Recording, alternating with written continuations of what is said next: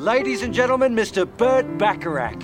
What the world needs now is love, sweet love. No, not just for some, but everyone.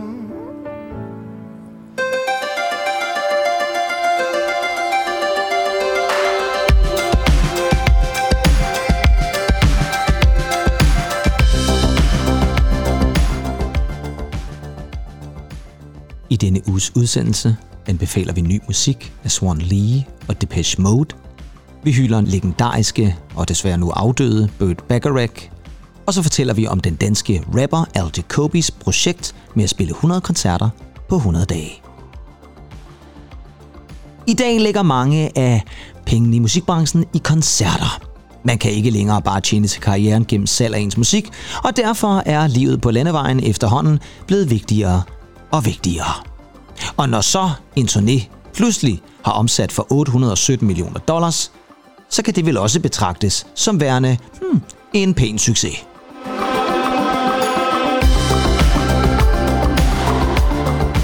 Og så skal jeg da ellers også love for, at vi er klar til at gå i luften endnu en gang med noget ved musikken, en podcast, som handler om kærligheden til musik, og ikke mindst den gode popmelodi. Mit navn er, som altid, Kim Pedersen. Og mit navn er også som altid Andy Tennant. Yes, og Andy, vi øh, har jo lige siddet snakket om, at nu er det ved at være ferietid for vores Det er vedkommende. det. Ja, der er jo ja. nogen, der har det i den her uge, kan man lige sige. Ja, øh, men altså, vi er jo, vi er jo anderledes i Køge og omegn. Ja, det er vi. Har man det altså i uge 8. Ja, der har vi det i uge 8. Det og det er, vist, det er, ja, det kan noget, men det er jo også mest fordi, at så kan man gå og grine af dem, der jo så ikke har ferie. Men de kan så gå og grine af os i den her uge. jo. Ja, lige præcis. Ja, og så- den, der lærer sidst, lærer bedst. Hun, Det, og det er måske så i virkeligheden os, der løber med sejren Ja, der på en eller anden måde. Så. Men øh, vi er jo nået til, øh, kan man sige, afsnit 41. Ja, det er helt og øh, jeg ved, må jeg ikke også lige takke jer alle sammen for de fine bemærkninger, der har været, især til vores sidste to afsnit, vi har haft. Fordi at, øh, vi havde jo et NAV-afsnit med øh, NAV 1985, som har blevet taget rigtig, rigtig godt imod. Og så havde vi jo altså vores P3 Sungoli, som der også er kommet mange reaktioner på. Ja. Så det er fedt. Og det er jo fantastisk at se, hvor mange der også har snakket om, at det var dejligt at komme en tur down memory lane, ikke? Ja, altså, præcis. øh, til, til, til ugens ungåelig. Ja, lige præcis, Ikke, ja. ikke, ikke, at vi øh, aldrig nogensinde går down memory lane, det gør vi jo tit Ej, også. det er jo nærmest det hele programmet handler om i virkeligheden jo, et eller andet sted. Ja, ja. Men, øh, men, men ja, skønt. Jamen, jeg tror også, det er fordi, man, man nogle gange har minder i forhold til det der med, hvordan man mm. ligesom første gang har mødt et nummer i radioen og så Ja. videre. Ikke? Og det er jo så ligesom det, P3 Uungåelige kan gøre. Og jeg lover jo altså også, at vi vender tilbage igen i marts. Der skal vi kigge på, øh, på 96 til 2000, og det skal nok blive godt. Der er endnu flere fremragende tracks fra, fra P3's øh, Lige præcis. 90'er ungdom, om man så må sige. Men i denne her udsendelse egentlig, der skal vi jo øh, igennem vores faste trummerum. Vi skal starte med nogle anbefalinger, så kører vi nogle nyheder, som i dag er sådan lidt all-round, og så slutter vi af med en hitliste, hvor vi skal et smut til Vesttyskland. Fordi at, øh, ja, det var den gang, hvor det stadigvæk hed Vesttyskland. Ja, jeg skulle lige til at sige Lige det. på falderæbet, fordi ja. Vi er i 1990. Ja, så, øh, så det snærper hen af, at vi er tilbage mod et forenet Tyskland. Om man Lige præcis. Yes. Men øh, i anbefalingerne egentlig, der skal vi i hvert fald til at starte med at have fat i noget, som jo er lidt trist. En trist anbefaling, eller det vil sige Trist og trist. Øh, under triste omstændigheder. Ja, men inden jeg, vi starter med den, som du kalder en trist anbefaling, så vil jeg gerne lige bare lige slå et for, altså, hvis man er til den gode 90'er pop, Ja. så synes jeg da lige, man kunne give uh, Google Dolls et skud. Altså DC Up The Sagde, Girl. sagde du ikke nok i sidste Jo, udsendelse eller det synes jeg. Ja. Det synes jeg. Nej, men jeg vil jo bare lige sige, det har jeg lyttet rigtig meget til. Også fordi jeg lige blev kastet tilbage igen. Ja. Så, øhm, Men nu ved jeg jo, det kan jo være, at Google Dolls dukker op igen i øh, P3's Uundgåelige deroppe i slut 90'erne. ja, det kunne så være, at... ja, ja, så kan du vælge den igen der. Så får du lov til at snakke endnu mere om det. Nej, men den, øh, nu, nu sagde du triste nyheder. Det, der Ja. taler om Burt Bacharach. Det er der nemlig, ja. Han er død, men af naturlige årsager, kan man sige, Og han var- 94. Ja, det er jo vel fair nok. Det er faktisk en flot alder. Og det virker jo lidt som om, han har været aktiv nærmest til det sidste. Helt vildt. Mm. Altså, øh, ja, det kan vi jo måske komme nærmere ind på, men jeg vil bare lige anbefale ham, fordi jeg synes, han har været en fantastisk komponist, Ja. og har været forfatter til så mange skønne melodier og kompositioner, som er så langtidsholdbare og stadig rørende den dag i dag. Han er jo sådan et klassisk eksempel på en sangskriver, komponist, Ja, som jo et eller andet sted, og, og pianist også, han har jo spillet klaver på flere ting også, men, men, men han var ligesom, han stod i kulissen. Ja, det gjorde han. Og han, han var jo ufattelig dygtig. Mm. Altså både til at skrive orkestermusik, Ja, bestemt. men også bare sådan almindelige pianoballader og, og egentlig øh, gode popsang. Det nummer, som jeg faldt først og fremmest for med ham, det var det nummer, han øh, skrev i 1963, der hed Close to You. Ja. Egentlig oprindeligt indspillet med ham fra Tårnfuglene, kan du huske ham? Ja, Richard Chamberlain. Richard ja, Chamberlain, ja, ja, det er rigtigt. Han indspillede den første. ja. ja. Som, Var det din farmor, der var meget glad for ham, eller var det din mormor? Hvor, hvor, fanden ved du det fra? Det kan du huske, du har Det er sagt. rigtigt, Ja, ja, vi har da kendt hinanden i så mange år, så det har du da. Den det sjovt, historie har du fortalt, lige- ja. Det var min, min, min, gamle farmor, Ja, ja, jeg kan godt huske det. som også døde i en alder af 94. Ja, ja, ja. ja så har hun det til fælles med Bacharach, ja. ja. Ja. Men øh, ja, og, det, ja, hun var aldrig tro på, at, at Richard Chamberlain i øvrigt var homoseksuel. Nej, jeg kan godt huske, der var noget ja. med det der også, men det har der sikkert været mange andre, som også blev Ja, meget overrasket over. simpelthen. Ja. Han havde også meget succes med Shogun jo. Ja, det havde han, ja. Ja, ja, Shogun, ja. ja, ja præcis. men øh, det var ikke Chamberlain, vi skulle snakke Nej, det var ikke ham, men, men han er indspillet i 63, og den er jo kommet mange, i mange forskellige versioner, mm, den her mm. Close to You. Det må man sige. Men den får sit allerstørste kommercielle gennembrud med øh, en uafrystelig god amerikansk duo, som kaldte sig The Carpenters. Ja, det er rigtigt. Og det var vel egentlig også nærmest deres gennembrud. Det var det. Et eller andet Det må man nok sige. Ja. Og øh, jamen, jeg synes egentlig, vi skal prøve at lytte lidt til sangen, og jeg går ud fra, hvis du kender mig godt, så har du taget Carpenters version med. Ja, jamen, jeg har taget The Carpenters version med. Men det er rigtigt, som du selv siger. øh, Det startede med Chamberlain, og så har Diane Warwick skrevet en. Ja. Han startede jo faktisk lidt Burt Bacharach som sangskriver for Diane Warwick. Altså, det var Ja, det hende, som rigtigt. han ligesom øh, lavede nummer til. Ja. Dusty Springfield har faktisk også øh, lavet en version af Close, to You, ja. men, men som ikke blev udgivet, tror jeg nok faktisk. Så, øh, så der Rigtigt, har været mange store rigtigt, sanger, ja. og sangerinder ind over den. Men det var der fuldstændig ret af. Vi skal lytte til det, som er den klassiske version, og det er selvfølgelig The Carpenters. Og så altså den sang, som de slog igennem med, som altså hedder They Long to Be Close, to You. Why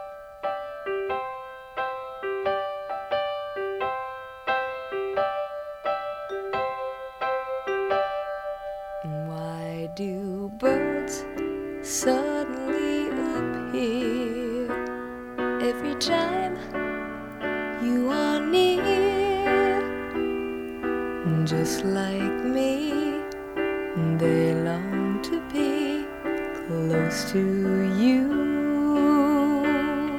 Why do stars fall down from the sky every time? you walk by just like me they long to be close to you on the day that you were born the and decided to create a dream come true so they sprinkled moon dust in your hair and golden starlight in your eyes of blue Altså man sådan forestiller sig lidt sådan nogle tegneseriefugle, der flyver omkring der, og så det sådan en, altså. en glad sang der et eller andet sted. Ikke? Og så er der jo, altså, der kunne være en atomkrig udenfor, og så vil Karen Carpenter stadigvæk bare være rolig og Ja. fattet i sin stemme der. Hun er desværre også død. Hun er desværre også død, og det er jo så mange år siden, kan man sige jo. 83. så. Ja, helt klart, ja. Jeg vil sige, det, det er skide godt komponeret det her. Ja, det var også et, jeg faktisk øh, startede med. Det var det allerførste nummer, jeg lærte til klaver. Er det det? Eller en af dem i hvert Ja, fald. men det man også godt, det der start Den, der, eller den, den. Den, Ja, den, ja. Han har skrevet det sammen med Hal David, ved jeg, Ja. som jo også er en af de store sangskrivere, så de har forfattet det samme. Og ja, det er vist noget med, at i den version, som Richard Chamberlain lavede, der har det også ændret sig meget for den, altså også strukturmæssigt Ja, ja, i nummeret ja, igennem, ja, så den har ændret sig lidt undervejs. Ja, så, så emmer det jo bare 70'erne også, det her med, med klokken. Er Jo. det ikke et klokkespil, det er sådan en, en vibrafon, han Ja, også? ja, men det er ret nok, der er lyden af 70'erne øh, meget i det her nummer også. Og Ja. ja. Burt Bacharach fik jo kæmpe stor succes med masser af priser osv. Han har vundet tre Oscars faktisk, ja. blandt andet for øh, Butch Cassidy and the Sundance rigtigt, Kid. ja. Og øh, så har han vundet seks gra- Grammy'er, hvad jeg lige vil sige. Ja. Ja. Seks Grammys, den amerikanske version, og det vandt han faktisk ikke for det her nummer. Den her vandt en Grammy, men det var så The Carpenters, der Ja. Der fik sangskriveren altså ikke en. Nej. Men han har altså vundet seks selv også, så han er, altså, han, han er en af de der da det ligesom nyheden kom ud, jeg tror, at de fleste mennesker, som du også sagde, det var sådan fattet og sagde, okay, manden blev Ja, ja, 94, jo, jo. men det er jo stadigvæk en, et kæmpe, kæmpe, kæmpe stort ikon, Ja, rent helt som er gået bort, ikke? vildt, Ja. Ja. Og så vil jeg altså også gerne slå et slag for det album, han udgav sig med Elvis Costello Ja, tilbage rigtigt, i ja. 1998. Ja, ja. Det hedder Painted from Memory. Ja, ja. De klæder hinanden rigtig godt. Altså Costello ja. er jo en fantastisk kunstner også, som, som for, for få snakker om, så tænker jeg faktisk, det er, Ja. hvad vi skal tage fat i Elvis Costello på et eller andet tidspunkt, for det, Ja. det er altså også en kunstner, er jeg virkelig altså- holder rigtig meget af. Tit den anden Elvis, de snakker om. Jo, det må man nok sige, ja, lige præcis. Ikke? Og så vil jeg jo også lige sige, at det er til, så dukkede Burt Bacharach jo også op i film. Ja, Jeg kan huske, han er med i Austin Powers. Ja, der er også et eller andet filmisk over hans ansigt, sådan, øh, sådan nogle gode filmskuespillertræk. Jo, jeg mener faktisk også, at selve filmen Austin Powers, den er nærmest inspireret af Burt Bacharach. Der er sådan en scene, øh, tror jeg nok, hvor øh, Austin Powers skal charmere en af hans kærester eller et eller andet, og så sidder Burt Bacharach og spiller klaver. Og Ja. det er faktisk meget hyggeligt ja. Ja. lille scene, hvor han også selv synger, sådan som jeg husker det faktisk. Ja. Så. Men uh, Burt Bacharach er altså i en alder af 94 år, det kan være. Ja. man vil egentlig godt bare sige, det er Det godt gået. godt, være godt gået. bekendt. Det ja, det, godt det tænker jeg helt sikkert. Godt ja. gået. Godt gået, ja. Uden at der skal gå alt for meget. Det kan være, vi skulle tage den med. Den kommer måske som sample, det ved jeg ikke rigtigt. Om ikke andet i hvert fald, øh, jeg har øh, anbefalet ny musik. Begge mine anbefalinger ja. er øh, helt ny musik. Jamen, det og den fantastisk. første, vi har snakket om den en hel del gange, men det er første gang, vi spiller helt ny musik med dem. Og det er jo fordi, de har ny musik ude. Og øh, det er en gruppe ved navn Depeche Mode Ja, som jo her den 24. marts blev det offentliggjort for nylig, kommer med deres 15. studiealbum, som hedder Memento Mori, som jo er latin for Husk, at du skal dø. ja. Og så kan man jo ikke helt lade være med at tænke på, om den titel er kommet til dem, efter at de jo desværre mistede det ene af bandmedlemmerne, Andy Fletcher, som jo desværre døde sidste Det det år. nok. Det kunne man godt forestille sig i hvert fald. Men det skulle efter sine være et album, som handler meget om døden. Mm-hmm. Og øh, mange af teksterne omhandler også om det der med, at øh, man er sårbar, om man skal dø på et tidspunkt. Og det tænker jeg også måske kunne være kommet efterfølgende. Mm. Fordi ifølge Dave Gahan, så har det her album altså ikke været under indspilning, mens Fletch var i live. Øh, Der har været startskud til noget, men de har ikke været i gang med sangene, så øh, der er altså intet, som er, han er med på. Altså Andy Fletcher, han er ikke med på det her album, selvom der var nogen, der havde tænkt, at det kunne være, at de havde indspillet et eller andet. Det er der altså ikke. Men de er rimelig overbevist om, at han ville have været glad for det. Og det kan jeg godt forstå, fordi der er altså rigtig meget Depeche Mode lyd over især ja. den første single. De har udgivet det første nummer, som hedder Ghosts Again. Der har vi igen det der med døden. Ja. Og øh, jeg vil sige det sådan, jeg kan nærmest ikke huske, at Depeche Mode har lyttet så meget som Depeche Mode i meget, meget, meget lang tid. Og det er ment som en kæmpe kompliment.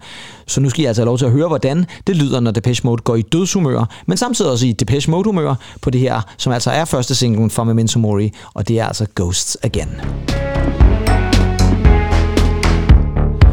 wasted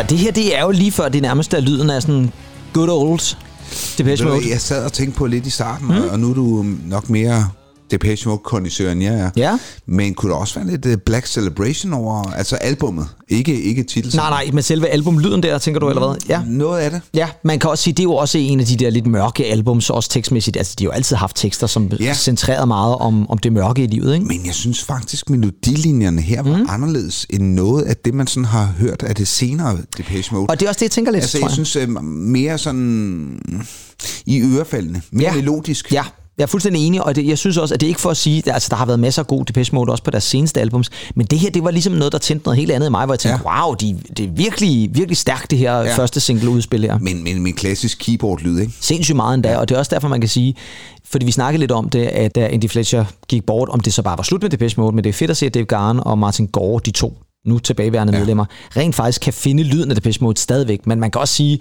du har synthfladerne, du har melodierne, og så har du Dave Gahans stemme. Altså, så Ja, er du jo bare i Depeche er Mode-verden jo. Ja, det er helt sikkert, ja. Det er produceret af James Ford, som jo også var ham, der var med i en Simian Mobile Disco, hvis du kan huske dem. Stort Det jeg øh, huske. orkester der fra Ja. nullerne. Elskede dem. Virkelig, Ja, det meget. jeg godt. Deres Du er første, kæmpe- du er kæmpe fan her. Jeg er kæmpe fan af dem, så, så det er fedt at høre, at han er ind over. Og så startede de jo turné I næste måned, i marts måned, der øh, starter deres Memento Mori-turné, som øh, hvis nok starter i USA, og så bringer det dem til København og Parken Det gør de selvfølgelig. den 27. juni. Så øh, jeg ved faktisk ikke, om der er udsolgt, men det kan man jo gå ind og undersøge. Men i hvert fald Depeche Mode, dejligt at have dem tilbage igen, og fedt at se, at de stadigvæk formår at lave et fremragende popnummer. Og jeg har, som sagt, mere ny musik, endnu en anbefaling, fordi vi snakkede jo sidste år alt for lidt om Swan Lee's Ja, genkomst. ja, og så nævnte vi dem jo godt nok i vores nytårsshow, og spillede lidt af deres øh, første single fra det nye, de så vil komme med, som hedder Heaven. Men nu er albumet så rent faktisk kommet ud, og det hedder The Garden, og det kom her den 3. februar, og det er altså kun deres tredje album, mm. men det kan man Ja, godt det forstå, det. fordi det er altså 19 år siden, egentlig tænder, 19 år Det er siden, helt vildt. at Swan Lee-albumet udkom det i Det er, 2004. jo, det er jo også uhyggeligt. Det er sindssygt. Fordi altså, jeg, jeg synes sgu det lige... Øh, det, det, var, det var ikke foregårs, vi sad i Nick Sørensens lejlighed. Og, Ja, og lyttet til ja. Love Will Keep You Warm eller sådan noget. Ja, ja. Men, det, men det er altså vildt at tænke på, at Swan Lee er jo så altså er tilbage nu, og øh, albumet har fået sådan pæne anmeldelser. Mm. Det er jo sådan udmærket, det er sådan 4-5 stjerner der, og det kan man godt forstå, fordi det er et rigtig, rigtig velproduceret og meget sådan klassisk Swan Lee et eller andet sted. Selvom jeg så må alle indrømme, at det var en anelse mere afdæmpet, end jeg lige havde regnet med. For det første. Ja. nummer, Heaven, er jo sådan, måske ikke optempo, men sådan lidt mere energisk nummer. Ja, lige præcis, ikke? Ja. Men der vil jeg sige det sådan, at resten af albummet, der er vi altså øh, lidt mere afslappet. Det er jo produceret sammen med Søren Bue Lassen, som jo er ham, som også er med i Blau Blume.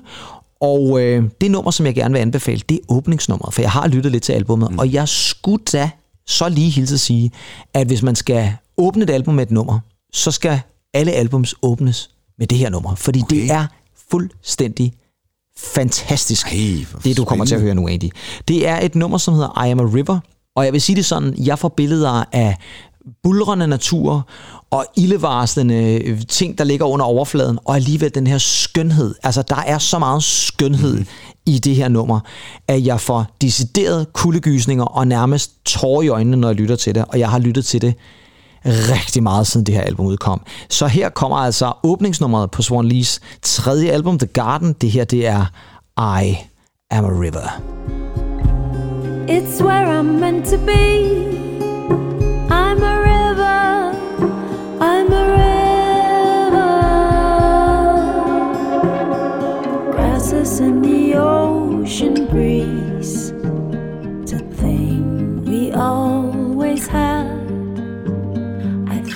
of everything you said. And keep it to myself. Words we never say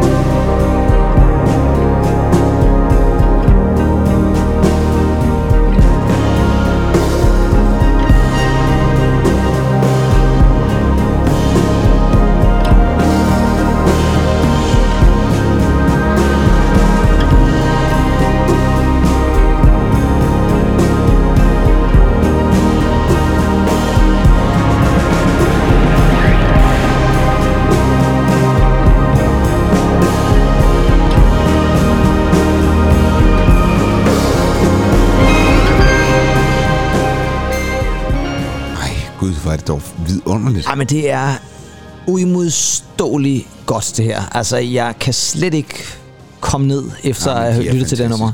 Også fordi det virkelig er fremragende produceret. Helt vildt. Og jeg, jeg, jeg, jeg, lige slå slag frem trommeslageren Emil Jørgensen. Ja, absolut. Som, som jo egentlig altid har været sådan rimelig straightforward, Ja. ja. men, men jeg synes at han, øh, han beviser noget helt andet her. Jo, det gør han, og øh, var, er der ikke noget med, at han faktisk er gift med Christina Rosendal? Rosen- jo. ja, lige præcis, Jo, Pernilles øh, søster der, ikke? Ja. Og vi har egentlig været sammen i rigtig mange år, sådan, som jeg husker det. ja. Og så skal vi jo heller ikke glemme øh, Jonas Struk, som jo øh, vi holder rigtig meget af. Helt vildt. Og der må man sige, jeg tror altså også det, at han har brugt rigtig lang tid på sådan noget som soundtracks. Det kan man altså godt mærke, for det her er meget filmisk på en måde et eller andet sted. Man kan sagtens se en masse øh, filmiske billeder for sig, når man hører det her nummer. Og de er jo sådan lidt blandet sammen, fordi hvis man har set Christina Rosendals Idealisten, Ja. der laver Jonas Struk faktisk også musikken til. Ja, det er fremragende, det soundtrack. Ja, Helt så godt. Fuldstændig fantastisk Ja. ja. soundtrack, han laver der. Der er lidt uh, Trent Reznor over det. Ja, det er der virkelig. Der er meget Trent. Ja, Uden at gå for meget Trent Reznor i det. Ja, fordi der er stadigvæk øh, der er noget elektronisk, men der er også nogle af de der... og så har øh, han også lavet til uh, den dokumentar om Ekstrabladet. For. Ja, det er rigtigt, ja. Det har han også lavet. Han har faktisk lavet til rigtig mange Ja. ting. Og så kan man sige, så er øh, Swan Lee jo altså også øh, igen i gode hænder her med Søren Bue Lassen. Ja. Jeg synes, der er rigtig meget blau blume også over det Ja, her, ikke? Altså ja. især fra deres tidlige. Der kan man godt mærke lidt den her øh, dystre øh, ildevarsen lyd, der også er her til sidst i det sample, vi hørte. Tim Christensen var vel egentlig med i bandet? Var han ikke det? Altså til at starte med, fordi han var jo kæreste med Pernille Rosendal. Jo, hvis og man- så hoppede han jo ud af Dizzy, og så koncentrerede sig han sig meget om Swan Lee. Ja, fordi hvis man nu ser den dokumentar, der hedder Stjernekigger, Ja, som følger øh, sådan Swan Lees vej til at få en pladekontrakt, præcis. der er han faktisk med, og Ja, jeg det er tror, det. han er inde over lidt Ja. af noget... Øh, Noget af det helt tidlige. Ja. ja. Men så, jeg tror også, det var noget med, at Pernille Rosendal har udtalt, at han blev sådan, altså nærmest mere og mere introvert i den der øh, proces af, at han ligesom skulle helt Ja. ind til kernen, og meget perfektionist, at det var faktisk også det, der ødelagde deres forhold, kan Ja. man sige. Jeg har faktisk taget en lille bitte anbefaling mere med. Og det er en kunstner, som øh, er unsignet, og det er simpelthen en, som øh, jeg lige har fundet frem her, fordi det er et nummer af en, øh, ja, det er måske så meget at sige ung kunstner, men en kunstner, som, øh, jeg vil sige det sådan, gør det rigtig, rigtig godt på det nummer, jeg har taget med. Det er en kunstner ved navn Andy Tennant. Nå, Ja. Andy Tennant. Ja, det er simpelthen en kunstner ved navn Tennant. Og det er jo sådan så, kære venner, at når vi indspiller vores episoder, og det gør vi jo en typisk en gang om ugen, så øh, kan det godt af og til ske det, at vi bliver forstyrret undervejs. Og hvis vi bliver rigtig meget forstyrret, så er det typisk mig, der bliver forstyrret i et eller andet, som øh, jeg lige pludselig skal tage mig af. Og øh, jeg ved ikke, om du kan huske det, men vi indspillede jo vores Grammy-afsnit på et tidspunkt. Gud, de vi da også. Ja, og der blev jeg forstyrret af Pommern til, og var nødt til at løbe, skynde mig væk. Og øh, mens jeg var væk, så valgte du jo, min kære ven, at fatte gitaren og simpelthen improvisere dig, går jeg ud fra, igennem et nummer, som øh, jeg nu har tænkt mig at spille i sin fulde længde. Ja. ja, simpelthen. Ej, Fordi så kan man også få et lille indblik jeg- i, hvad jeg det vil troede- sige. Jeg, jeg troede, at du havde, du havde klippet alt det ud. Nej, nej, nej. Også det, havde det det, andet, jeg havde... Ja, det, alt det andet har jeg klippet. Ja. Men lige præcis det, jeg tænker, det skal vi simpelthen have med. Og nu kommer det simpelthen som en anbefaling. Så det her, det er simpelthen, hvad der sker, når jeg nogle gange forlader rummet, og Andy han sidder og øh, giver den gas på en guitar. Det her, det er et nummer, som jeg valgte at kalde for The Editing. Oh. Men øh, ja, det kunne i virkeligheden også bare, det skulle have heddet Kim Pedersen eller et eller andet, fordi det bliver sunget lige så mange gange. Jeg kan slet ikke huske det. Nej, men så bliver, er det godt, Åh, Andy, fordi så bliver du i hvert fald mindet om det her. Åh, det her, det er altså Andy Tennant, akustisk, og nummeret, som hedder The Editing.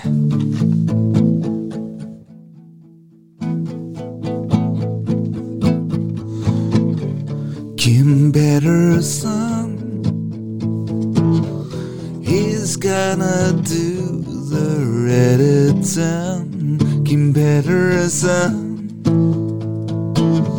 He's gonna do the editing Of this podcast You know that he's gonna do And you know that he's gonna do The editing of our podcast. Kim Pedersen, Kim Pedersen is gonna do the editing of our podcast. Podcast.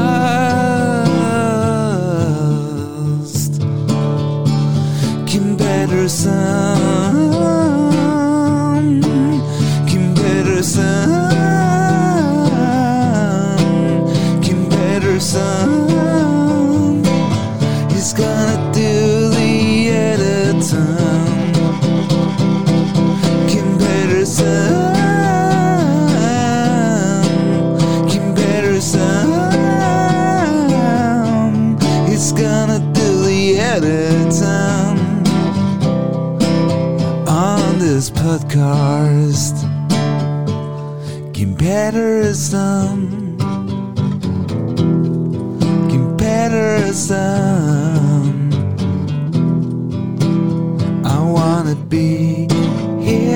tonight on this Grammy night.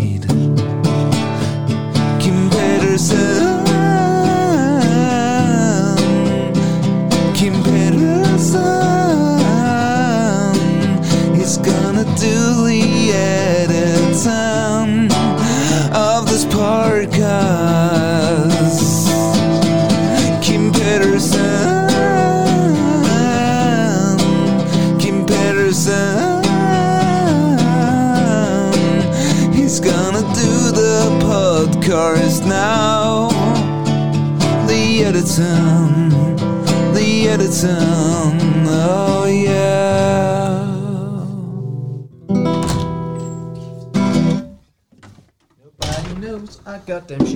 Og så, og så kommer jeg lige ind og synger til sidst. Ej, Øh, det var dog vanvittigt. Jeg, Ja. jeg kan dårligt nok huske, at jeg lavede det der. Nej, og det ender jo det kan nærmest- jeg sådan set ikke godt nu. Ja, og det sjove er jo et eller andet sted, det starter lidt øh, med, at det bare er the editing, og så ender det med at blive en hyldest af mig i virkeligheden, mere end, end hvad godt er, vil jeg sige.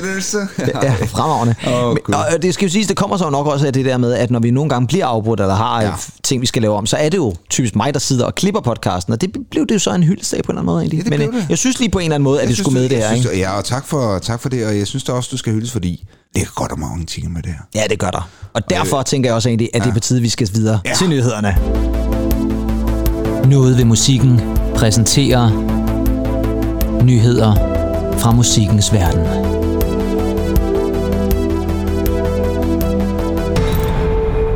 Ja, for det er nemlig en uh, tidskrævende opgave at lave alle de her edits, men uh, sådan er det. Det er jo en del af morskaben jo også. You're gonna sted. do the editing. You're gonna do the editing, og hvis jeg nu ikke gjorde det, så ville jeg heller ikke have opdaget den her lille perle, fordi jeg anede jo så selvfølgelig ikke, at den var der i virkeligheden, jo før jeg så selv, så jeg må ærlig når jeg sad og grinede meget højt. Ja. Andy, vi skal til nyhederne, og øh, vi starter Yes. med en nyhed, som er meget interessant, vil jeg sige, fordi det handler lidt om øh, at tage på turné. Ja, Yes, fordi det er sådan så, at der er en dansk rapper, som er øh, i gang med at slå igennem. Han er øh, forholdsvis ung stadigvæk. Han Ja. hedder Al Jacobi. Al Jacobi. Al Jacobi. I virkeligheden hedder han Rune Mørk, men han har altså valgt at lave sit kunstnavn, der hedder Al Jacobi, og det tænker jeg jo et eller andet sted også er meget fedt. Ja, jeg kommer til Han- at tænke på Aske Jacobi. Ja, det var faktisk også det første, jeg kom til at tænke på. Jeg har faktisk været inde og undersøge, for jeg tænkte på, det må da være en søn Ja, ja. eller en nevø Ja, ja. eller et eller andet, og det er det altså ikke. Jeg tror altså ikke, de er relateret. Nej. Han har sat sig for, at han vil lave 100 koncerter på 100 dage. Hold op. Det må man sige. Det var også det første, jeg tænkte. Jeg tænkte, du godeste, kan det overhovedet lade sig gøre? Og øh, det er altså noget, han allerede er i fuld gang med. Og egentlig, man kan jo sige, at dengang, da du var lidt yngre, der Ja, jo. Turnerede vi også lidt rundt i København en gang imellem med små koncerter osv., ikke? Men, men vi var jo var slet ikke oppe i det, det antal jo. Nej, nej, det er jo helt, helt, helt vildt. 100, altså, så, så, så 100 dage straight. 100 dage, jamen jeg, jeg I tror ikke, jamen jeg ved ikke, om det er 100 dage straight. Altså nogle gange kan det jo godt være, at man laver flere koncerter på en dag, Ja. tænker jeg. Sådan så man laver et lille gig der, et lille gig der osv. Ikke? Altså han har lige startet her den, i slutningen af januar med, med syv koncerter. Der lavede han på noget, der hed Combo Audio i København, hvor der så var ham og så en ny gæst hver eneste aften. Og så øh, er tanken altså, han skal uden for Skandinavien, og han har altså allerede lavet sin turnéplan, som bringer ham til Tyskland, Østrig, Tjekkiet, Polen, Holland, Belgien og Frankrig. Hold da ellers op. Ja, ja. Og ingen kender ham. Jo, altså man kan sige, altså han er jo han er udgivet og så videre, ikke? Men altså, det var også det der med, så bliver man jo kendt et eller andet sted ved at stille sig op på scenen, ja, ikke? ja, ja. Ja. Det, Så- han har nogle ret fede booker, tænker jeg. Jamen, jeg tror faktisk, han har nærmest booket det meste af det. Ej, det ved jeg faktisk, nu skal jeg ikke tage crediten for bookerne, men, men jeg tror rent faktisk, at meget af det, han selv øh, prøvede Alright. at, at lave. Ja, fedt. Altså, det handler også om det der med, at øh, han gerne vil nedbryde fordommene mod hiphop, fordi der er jo stadigvæk den her klassiske, uh, hiphop, det er sådan noget farligt noget, og det er øh, sprutter damer og sex og penge og alle sådan nogle ting og sager. Og han vil også bare gerne slå et slag for, at øh, jamen, man kan også bare stille sig op på en scene og så øh, rappe, uden at det nødvendigvis skal være gangster-rap et eller andet sted. ja. Du kan måske næsten også regne ud, at når han skal til udlandet, så er det jo ikke den dansksprogede rap, vi er ude i her. Det er faktisk noget, der er sådan meget amerikansk, og correct me if I'm wrong, men jeg kan altså ikke huske, der er så mange danske rappere, som rapper på sådan engelsk-amerikansk. Altså, de, det er jo blevet meget populært at, at lave dansk rap, det må man sige. Ja, det har det jo været i... Jeg har jo snart været en del år, ikke? Ja, Men, helt men, vildt. men det her kan jeg simpelthen ikke huske, at jeg har øh, stødt på meget, meget længe. Men vi skal lige lytte til noget Al Jacobi, fordi her kommer der faktisk et nummer fra et album, han udgav tilbage i 2021, og det er det nummer, som hedder Rooftop. Cause I can see the world from a rooftop. Looking down, looking down. I can see it all, it's too much. Looking down. I can see the world from a rooftop. Looking down, looking down. I can see it all, it's too much. Looking down. At times I feel like I was born in a hearse. Like my whole life should have ended with my mama giving birth. And it's hard to look forward when you're stuck in reverse. There's no natural reaction when it's also rehearsed. I only happen cause my dad didn't pull out. Pull up on the local gang, asking what's the next shootout. I call up the local clan to recite a Martin Luther. Cause I have a dream to lynch me another, another young black dude now. Now who gon' stop me? Who gon' stop me? My biggest hope as a baby was that my mama would drop me. They refer to me as crazy, but it's crazy what I see. I got everything I need, but it mocks me. So what's a stain on the street? To a stain on the sheet. If I was staying on the street, I'd be just another casualty. I would rather that you spend your time on that, but on me. Cause if I fuck up and regret it, I still ain't on my feet. I can see the world from a rooftop. Looking looking down, looking down. Ja, Down, looking down.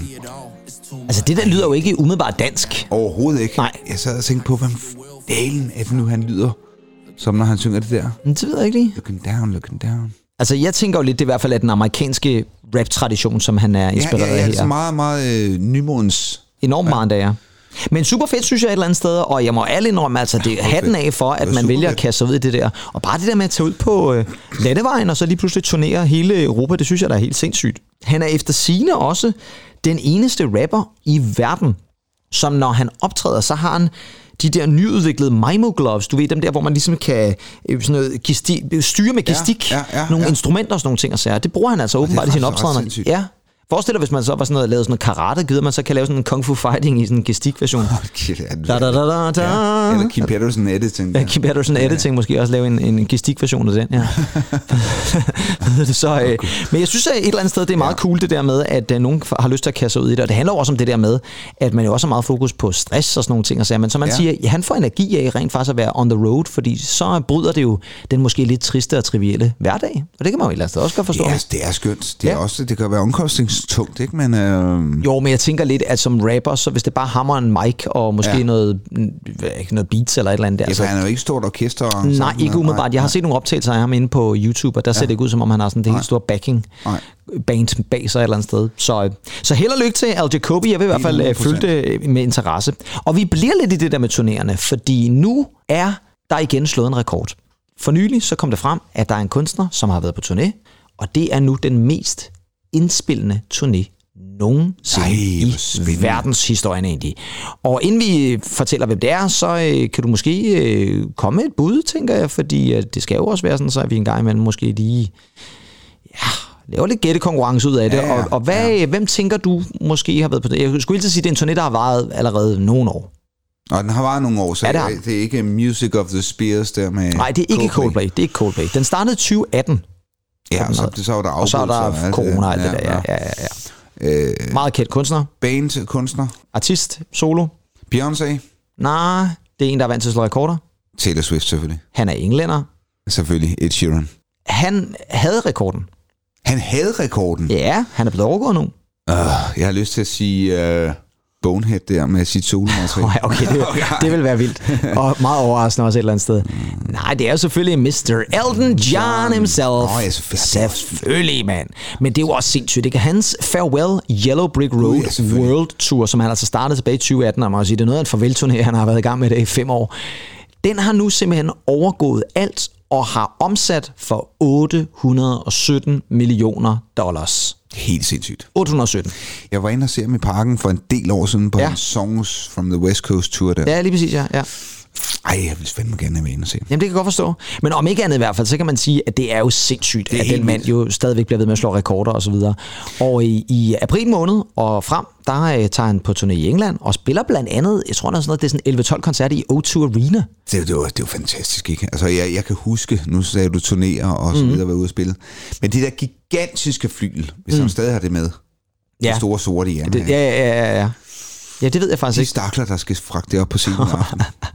Der er nogle roadies der, som... det er øh, altså ikke Elton John selv, som os andre dengang på. Nej, er du sindssyg, mand? Er du, nej, det er rigtigt, nej. Der måtte vi selv uh, slippe uh, møblerne. Men det er jo sindssygt at tænke Helt på, at han stadigvæk er aktiv, og man kan sige, kan vide om den der farewell-tur nogensinde får en ende. Altså, nogle gange så bliver folk kunstnere bare videre, videre, videre, videre. Han kan ikke stoppe. Nej, det er fuldstændig rigtigt. Han Du, kan ikke stoppe. du har fuldstændig ret. Man kan også sige, at han lader ligesom op til den helt store koncert, fordi tidligere, jeg kan faktisk ikke huske, om det var i år, eller om det lige var i slutningen af sidste år, der blev det også annonceret, at han slutter jo så den her Farewell Yellow Brick Road Tour med øh, et øh, spillested, som er en af de mest profilfyldte, kan vi vist godt kalde det, mm-hmm. i England. Mm-hmm. Kan du regne ud, hvad det er? Vi skal ud på en festival. Nå, okay, okay. Uh, Glastonbury. Selvfølgelig. Han spiller 25. juni på Glastonbury, Ej. og det bliver sikkert øh, den store scene der.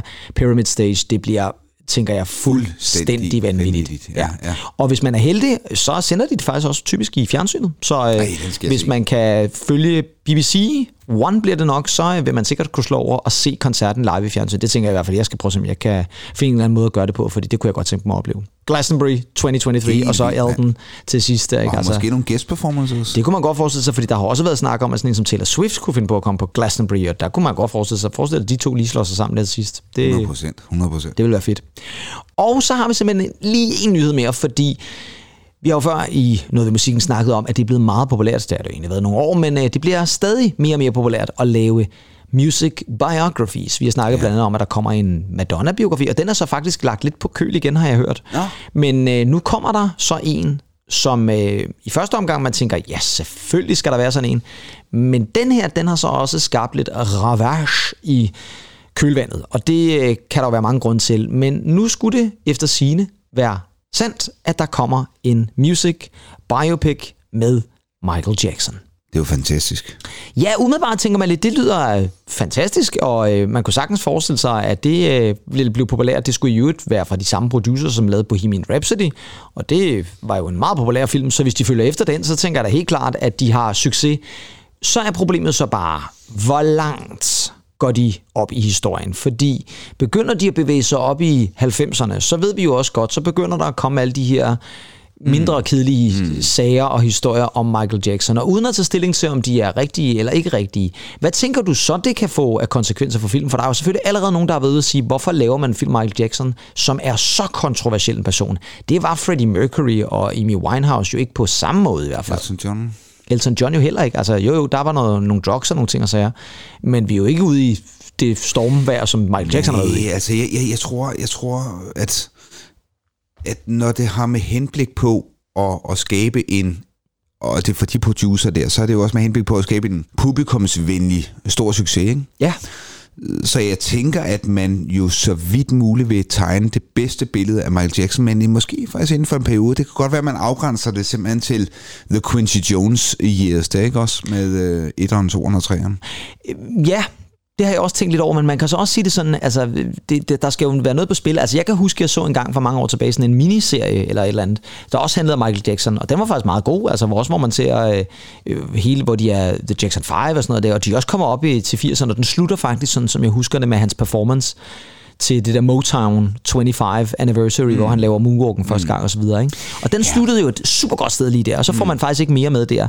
Men, men der er jo så meget til øh, fat i, fordi Ja. ja. man kan også huske den her lidt meget hårde barndom, eller meget jo, opvækst, han havde Ja. med, med Joe Jackson fra Ja, der, ikke? jo, jo, bestemt. Men, og, og så, er der, så er der jo det, som du også siger, der skal også være noget på spil, ikke? Jo, helt sikkert. Og, og det kan da godt være, at der har været det i 80'erne, men, men, men det store drama, det mm. som folk nok vil sidde og tænke, det er jo selvfølgelig de her retssager fra 90'erne, og gjorde han det, gjorde han det ikke? ikke? Ja, Og, ja. Og så det, og ja, selvfølgelig også hele den her over- overgang til, at han jo et eller andet sted mister hudkuløren øh, på grund af den her Ja, øh, ja. sygdom, han har jo et Ja. eller andet sted. Så, så man kan sige, der, der er mange ting at tage fat i, men, men jeg kan også godt have min tvivl om, om, om de så vælger at stoppe den, inden alt det her begynder, fordi så giver det bare for meget kontrovers på en eller anden måde. Ja. Ham, der skal spille Michael Jackson, ja. Ja. skulle vist sige også være blevet offentliggjort nu. Det er nemlig, og det, altså, det er ikke noget, jeg finder på det her, det er Jafar Jackson. Nå, det er, Ja, det kan han simpelthen. Og det er altså ikke ham fra Aladdin, vi er ude i her. det er- ikke Nisbang Mikkelsen, som, øh, som skal spille Michael og, Jackson. og, og måske Torben Seller som Og måske Torben Seller som- Macaulay Culkin måske. Jamen, Colin Colkin lige præcis har spillet den der åndssvage papagøje der. Hvad var det, den hed? Zazu hedder den ikke der? Ja, det er i Løvernes Konge. Øh, den hedder Jago. Nå, Jago, ja, ja. Hvem pokker spiller ham så i, i Løvernes Konge? Nå, det er også lige meget. Vi skulle ikke snakke Disney lige nu. Men Jafar Jackson der, han er øh, nevø til Michael Jackson. Nå, han var ja. altså ikke med i 3T, vil jeg lige sige. Det var nogle af de andre. Det var, jeg tror, det var Randy Jacksons øh, knægte. Ja. Det her, det er Jermaine Jacksons Åh, søn. ja. ja, ja, okay. Yes. Og øh, han lagde sådan et billede heroppe på sin øh, Instagram. Nu kan jeg lige vise dig den gang her. Ja, det ser da meget godt ud. Han har da movesene i orden. Fuldstændig som at Ja. ja. se farbror der, ikke? Ja, lige præcis, ikke? Ej, det, det, det, det er jo fuldstændig Ja. en til en. Ja, og det, jeg vil sige, på det der billede, der kanaliserer han i hvert fald mere Michael Jackson end, end sådan en sulten sultan Jafar, det er et eller andet sted, ikke? i. Altså, Med en, stor visir der, ja. med en øh, paralyseret Uwe Sprogøe. Men bare lige sød sprog, det er rigtig, han er helt lyden Ja, ja. vel, ja far. ja. Jeg skal nok. Hvis nu havde øh, Ove Sprogøe havde været i live, hvem kunne han så have spillet Michael Jacksons liv? Hvem kunne han have altså... Han, sådan en pladselskabsboss der? jeg har en plan. Ja. Nej, og pladen over alle plader der. Jamen altså, det ved jeg ikke. Kunne, han- kunne han have spillet Quincy Jones? Ja, okay, så skal vi i hvert fald... Ah, det går jo slet ikke, altså. Så er, det, så, så er vi jo... spille, anklageren måske. Anklageren ja, måske, ja. ja. Det var ikke Kenneth Starr, var det der? Det var ham, var der var på Bill Clinton i hvert fald. Ja. Jeg kan ikke huske, hvad han hed. Nej, jeg kan ikke huske, men han er også han, meget berømt. Men han hyrede, hyrede han ikke også Johnny Cochran på et tidspunkt? Altså, er det ikke nærmest de samme advokater, der går igen altid derovre? Nå, og det var også bare lige for at sige, at der er altså gang i en Michael Jackson-film. Om den så bliver til noget, eller om den også bliver lagt på is, ligesom Madonna-filmen, det ved jeg ikke. Men en ting, jeg i hvert fald med sikkerhed kan sige, det er, nu skal vi en tur til det vesttyske. Hitlister fra fortiden. Yes, og øh, ja, Vesttyskland, Vesttyskland. 1990. Ja, Kan du huske, hvad der skete for Vesttyskland i 1990? De blev også verdensmester i fodbold. Det gjorde de nemlig. Ja. Kan du huske, om de slog i finalen? Brasilien? Ah, Argentina. Argentina. Ja, de vandt Sådan 1-0 noget. på Ja. straffespark, sådan som jeg husker det. Men øh, det er rigtigt, øh, vi skal en smut til Vesttyskland i 1990 og kigge på en hitliste egentlig.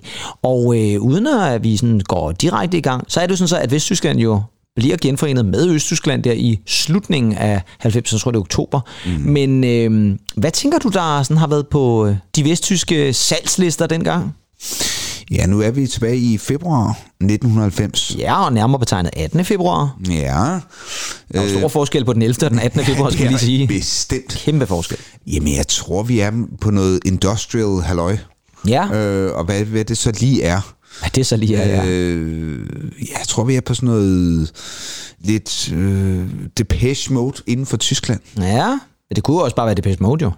Ja, det kunne også være Depeche Mode. Altså, det er jo ikke så sådan, at Vesttyskland så sidder ikke jeg- havde- Så sidder jeg lige og tænker på, om de havde en single ud i 18. februar 1990. Altså, der kommer jo et album, der hedder Violator i Det gør der 1990, jo. Lige præcis. Så, Så- det kunne godt være noget Depeche Mode. Jeg kan faktisk fortælle, at de ligger lige uden for top 5 i hvert fald. Så, så det kunne det jo godt have været. Ja. Men øh, vi skal øh, starte et andet sted, hvis vi skal starte med femtepladsen selvfølgelig, som vi plejer at gøre. Og der har vi en sang, som falder ned fra sidste uge nummer 3. Det er en mand ved navn Sidney Youngblood. Og Åh, han var ja. meget stor der i slut Ja, ja. 80'erne og start 90'erne. Han var også tysk-amerikanere, Og her, der har vi anden singlen, som ikke blev lige så stor som første singlen, men alligevel et pænt hit. Det her, det er altså Sidney Youngblood som nummer 5 på den vesttyske singlehitliste den 18. februar 1990. Her er det Sit and Wait. Impossible dreams, promises. Still I ain't nothing, I ain't nowhere. All we can do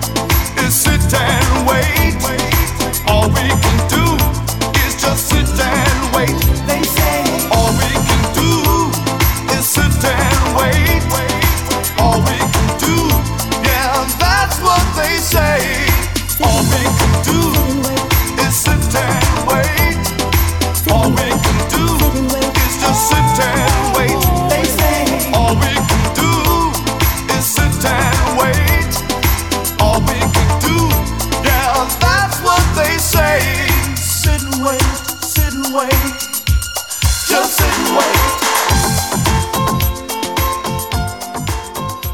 Sit and and Wait, ja. Vente for en genforening. Ja, måske i Eller virkeligheden. venter på en. Ja, altså, det kunne da godt være. Ja, ja. Altså, tysk-amerikaner jo. Cindy Youngblood, kan du huske ham egentlig? Jeg kan godt huske ham. Og Ja. vi har snakket om ham før. Jeg tror, vi har været inde og vende ham ja, i et Bravo-blad faktisk i virkeligheden. For ja. han var jo, altså han var også stor i andre lande, men han var meget stor i Tyskland, kan jeg huske. Men han jo lyder ikke bare ungdommelig sådan i blodet, han lyder faktisk også varmblodig. Ja, det gør han. Det gør han virkelig. Og øh, måske er det det, han sidder og venter på. En eller anden, der kommer forbi, så man kan kaste sig varmblodet over, eller, eller andet måske. Ja, måske Øh, Ove Sprogøe. Måske Ove Sprogøe, ja. Han havde et stort hit med det nummer, der hed If Only I Could. Og det var altså i 89. Mm. Den gik nummer 3 på den engelske single hitliste blandt andet. Og nummer 3 på den vesttyske mm. Men han fik faktisk et endnu større hit i Vesttyskland med det her nummer Sit and Wait. Og jeg vil faktisk sige det sådan, det har altid været min favorit af de to. Øh, Ja, jeg synes, det, det, det, det er et Ja. skide godt nummer. Ja, det er et sindssygt godt nummer ja. et eller andet sted, og også meget 90'er-agtigt. Helt vildt. Også Man produktionsmæssigt. skal høre, høre klaveret, det, det begynder at, øh, at skifte her, ikke? Ja, det kan man godt mærke. Nu, nu kommer lyden af, af noget andet i hvert Ja. fald. Og øh, det blev så desværre ikke til så mange flere hits fra Sidney Youngblood. Han er vist stadigvæk aktiv, tror jeg nok, men de store hits har altså lavet vente på sig siden. Ja. ja. Men øh, en femteplads i hvert fald. Så er vi nået til fjerdepladsen, og øh, der skal vi have en kunstner, der går frem af listen fra sidste uge nummer 14 er det faktisk, og helt op til nummer 4. Og det er en kunstner, som på det her tidspunkt har eksisteret i musikbranchen i mange år. Og men storhedstiden var i 60'erne. Ej, ja, også lidt 70'erne. Men så var det som om, der skete et eller andet. øh, Det gik sådan lidt ned ad bakke, og kunstneren forsvandt og gemte sig i USA, lige indtil, at der var to britiske fyre, som sagde, vi laver mm. kun den her duet, hvis vi kan få hende til at synge med på den. Og det fik de så et kæmpestort hit med i 1987, et nummer, som hed What Have I Done to Deserve This? Efterfølgende så valgte de to gutter så at gå sammen med den her kvinde og lave et helt album, og øh, det kom der nogle singler ud af, og den ene af dem ligger nummer 4 på den vesttyske singlehitliste i februar 1990. Det er selvfølgelig Dusty Springfield. Her er hun med In Private. So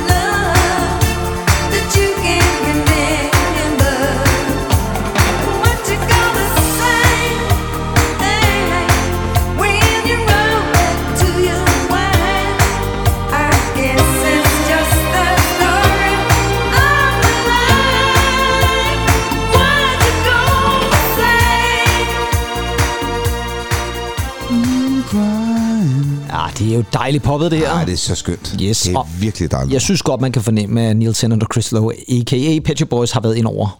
Også Helt- helt på det her nummer. 100%. Ja. Det er produceret sammen med Julian Mendelssohn, som vi jo faktisk nævnte i vores sidste afsnit i P3-specialen, Det er rigtigt. fordi vi snakker om Tasman Archer, som Ja. han jo også lige har været ind over med Og det Sleeping nummer, han er Satellite. allergladest for at have produceret. Ja, og jeg er sikker på, at han også godt øh, kan tage noget glæde af det her nummer, fordi det var ja. altså et rimelig pænt hit for Dusty Springfield in Private.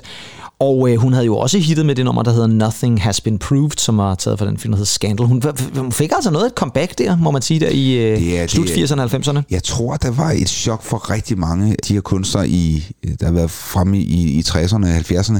I 80'erne. Mm. Mange skal virkelig genopfinde sig selv, ikke? Jo, og det, der er så vildt med Dusty Springfield, som jeg nærmest stadigvæk ikke forstår, det er, at hun jo faktisk ikke er særlig gammel på det her tidspunkt. Hun er lige omkring 50. Ja, jo. Altså, og, og, og det, der tænker jeg alligevel sådan et eller andet sted, så har hun godt nok også været ung, da hun slog igennem der ja. i sin tid. Ikke? Desværre så øh, blev Dusty Springfield jo ikke så gammel, fordi hun døde, tror jeg faktisk, sådan noget 98 eller 99 eller sådan noget, hvor hun døde desværre brystkræft. Ja. Så det jo desværre taget fra os alt for tidligt.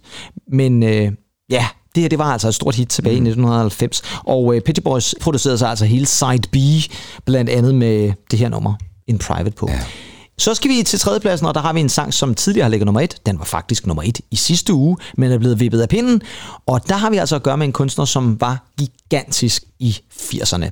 Han var så stor, at han kunne hyre en Concorde til at flyve ham tværs over Atlanten, så han kunne være med både på den ene side Ja. og den anden side, da der var Live Aid. Husk lige tandbørsten. Husk lige tandbørsten, fordi det er selvfølgelig, og lad os sætte på, at han også har pakket den på Concorden, det er selvfølgelig selveste Mr. Phil Collins, og her har vi ham på en af 89's aller, aller største hits. Det er selvfølgelig Another Day in Paradise, som nummer tre på den vesttyske single hitliste. You can tell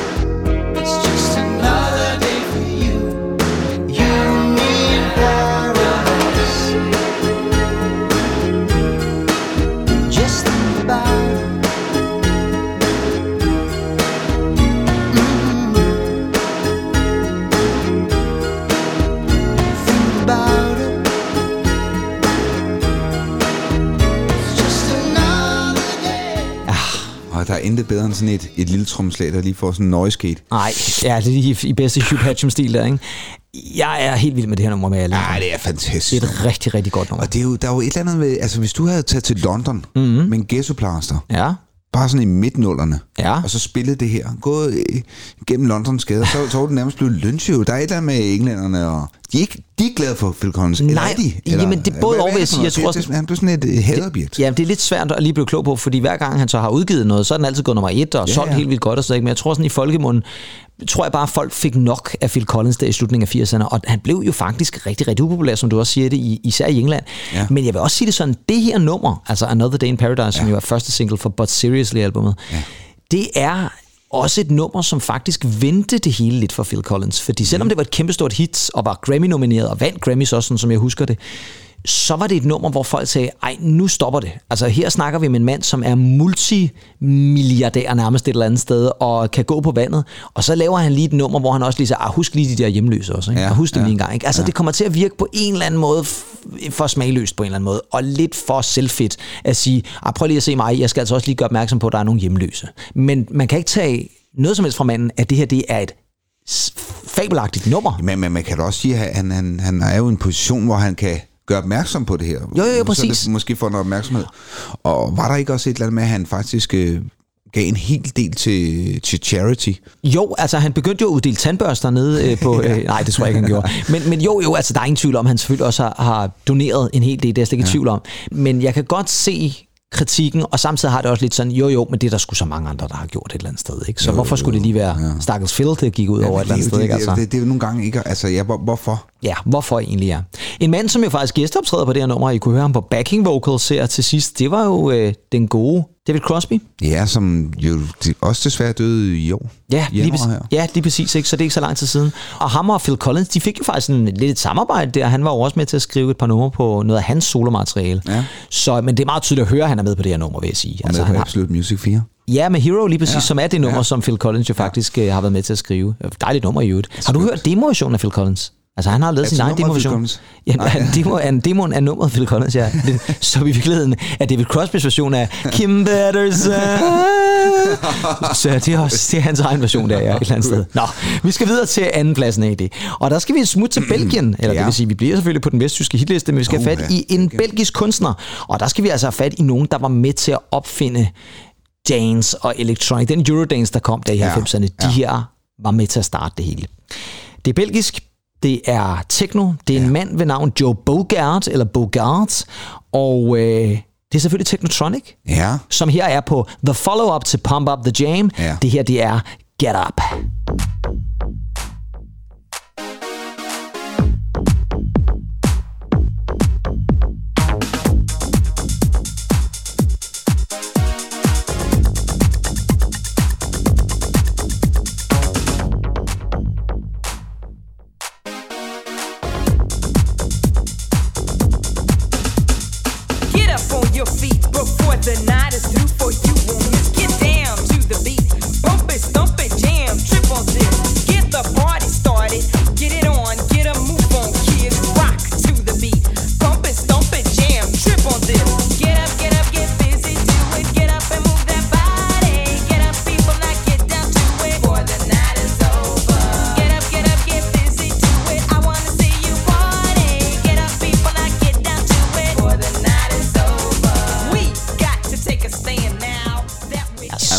Det blive mere klassisk 1990? Ej, det er sindssygt, ikke? Det er helt vildt. Det er vanvittigt. Kan du huske det her nummer? Altså, fordi det var jo ikke lige så stort nødvendigvis som Pump Up The Jam. Jamen, jeg kan godt huske det. Ja. Men, men det sidder ikke lige så godt fast. Nej, og det sker ikke, fordi Pump Up The Jam, kan du huske musikvideoen til den, hvor der er sådan en øh, mørklødet det- kvinde, som står og danser og rapper og alle sådan nogle ting. Nej.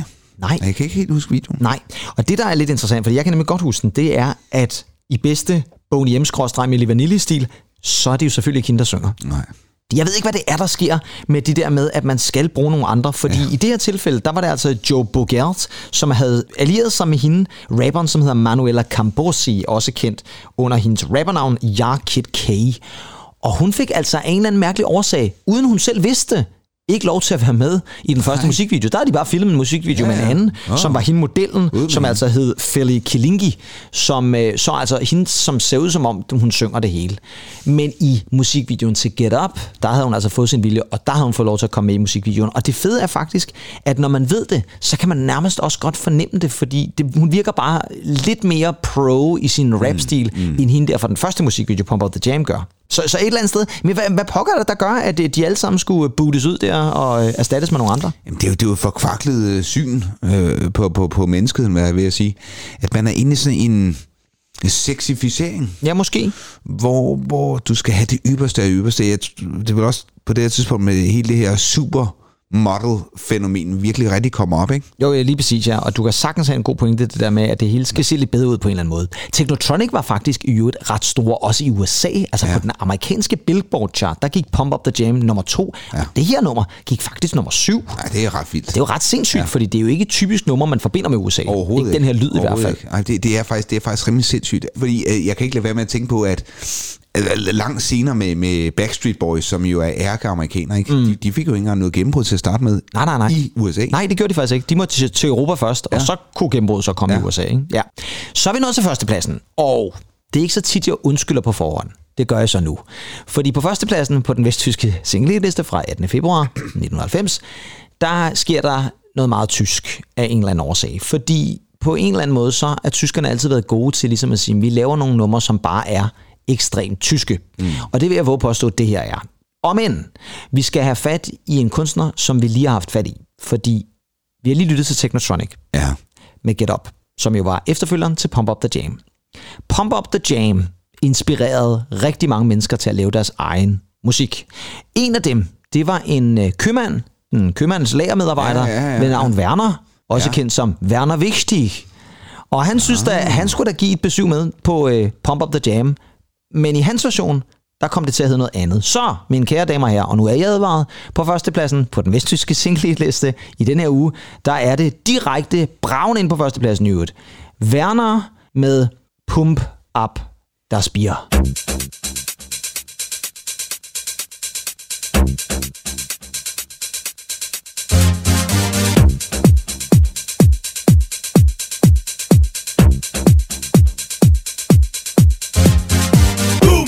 Das Bier, pump es ab, trink ihn aus den Humpen. Komm, lass dich nicht lumpen, man kann dich euch pumpen. Boom, ab das Bier, pump es jetzt, pump es hier. Boom, ab das Bier, pump es ab, pump es, pump es, pump es. Au ab! Das schmeckt so gut. So ein Bierchen, das macht Laune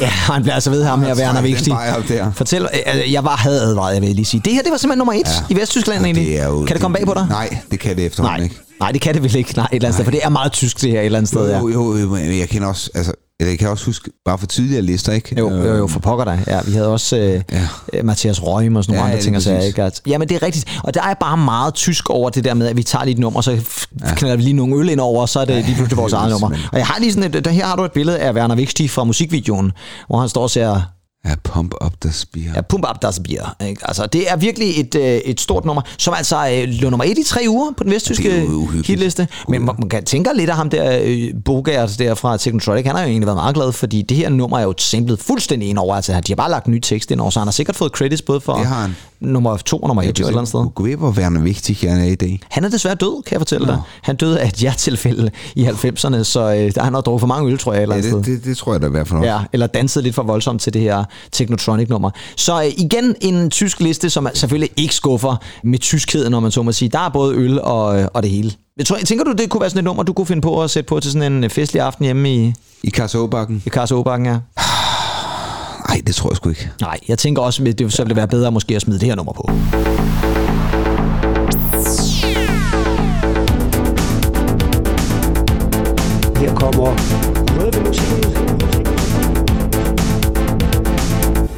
Og med oppumpet øl, så nåede vi også til afslutningen på afsnit 41 af Noget ved musikken. Og jeg vil altså sige det sådan, det er jo sådan nogle gange lidt sjovt, når jeg sidder sådan skal finde ud af, hvilken hitlist vi skal kaste os over. Og jeg var slet ikke i tvivl, da jeg så, hvad det var, der lå på den her liste i 99, fordi jeg tænkte, det, det, det er vi nødt til at tage med. 100 procent. Ja. det, var, det, var, det var skønne tracks. Ja, måske lige med undtagelse af det sidste, vil jeg sige. Og det er utroligt, ikke? At det, at det kan ramme førsteplads. Ja, det er det, men det er jo igen det der med, at så er der en masse på en bierstube, som tænker, at det skal vi da ned og investere i et eller andet sted. ja, så er folk valgfartet ned til pladebutikkerne i Ja, skal- Hamburg og München. Og... Skal have singlen, simpelthen? Skal jeg simpelthen have singlen? Altså, der har haft været mange tyskere, vesttyskere, som har haft den stående et eller andet sted. Ikke? Ja. Det, det er vildt høre. Kunne du forestille dig, at den var blevet spillet ved genforeningen der i oktober også lige pludselig? Ikke? Altså, Yeah. Werner Vigtig går på scenen der og pumper øllen ud over hele befolkningen der et eller andet sted her. Og Hel- Helmut Kohl der, så, så, så klar, ikke? Nej, ham ville jeg faktisk ikke blive overrasket over at sidde og, og, og slå i bordet til, Ja, ja, til det nummer han der. sagtens, sted. det kunne han han kunne sikkert knejse et par bajer ja. også, ja. det, Hvad hedder det så? Øh, Vi øh, holder lige øh, en uges ferie ja, i næste uge. det gør vi. Fordi at, øh, jeg skal jo faktisk ud og rejse. Det var det, du sagde forleden jo, at øh, Ja. jeg tager et smut sydpå. Så er I på Tenerife, så skulle I være velkommen til at sige hej, hvis I møder mig et eller andet sted derude. Jeg, prøver, jeg, det, jeg vil være ham, der har meget tøj på. Ja, en eller du, årsag. du, du, du, sidder derovre og skærmer dig med en bøllehat og en avis eller sådan noget. Og bølle her tror jeg alligevel ikke, jeg kaster mod i, men øh, jeg vil sikkert prøve at, at af, afskærme min hud bare en lille smule. Jeg er jo bleg, som jeg ved ikke hvad.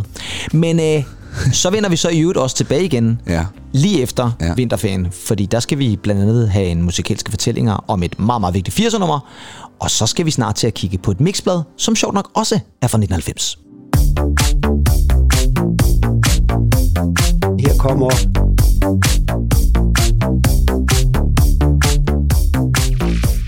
Men indtil da, så må I have det rigtig fantastisk og nyde jeres ferie, hvis I allerede har den. Nyde jeres ferie, hvis den kommer i næste uge, eller bare nyde det, hvis I slet ikke får nogen ferie.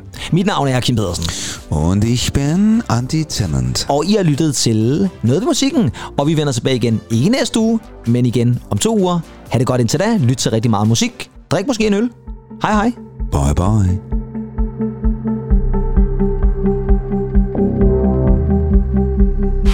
Thank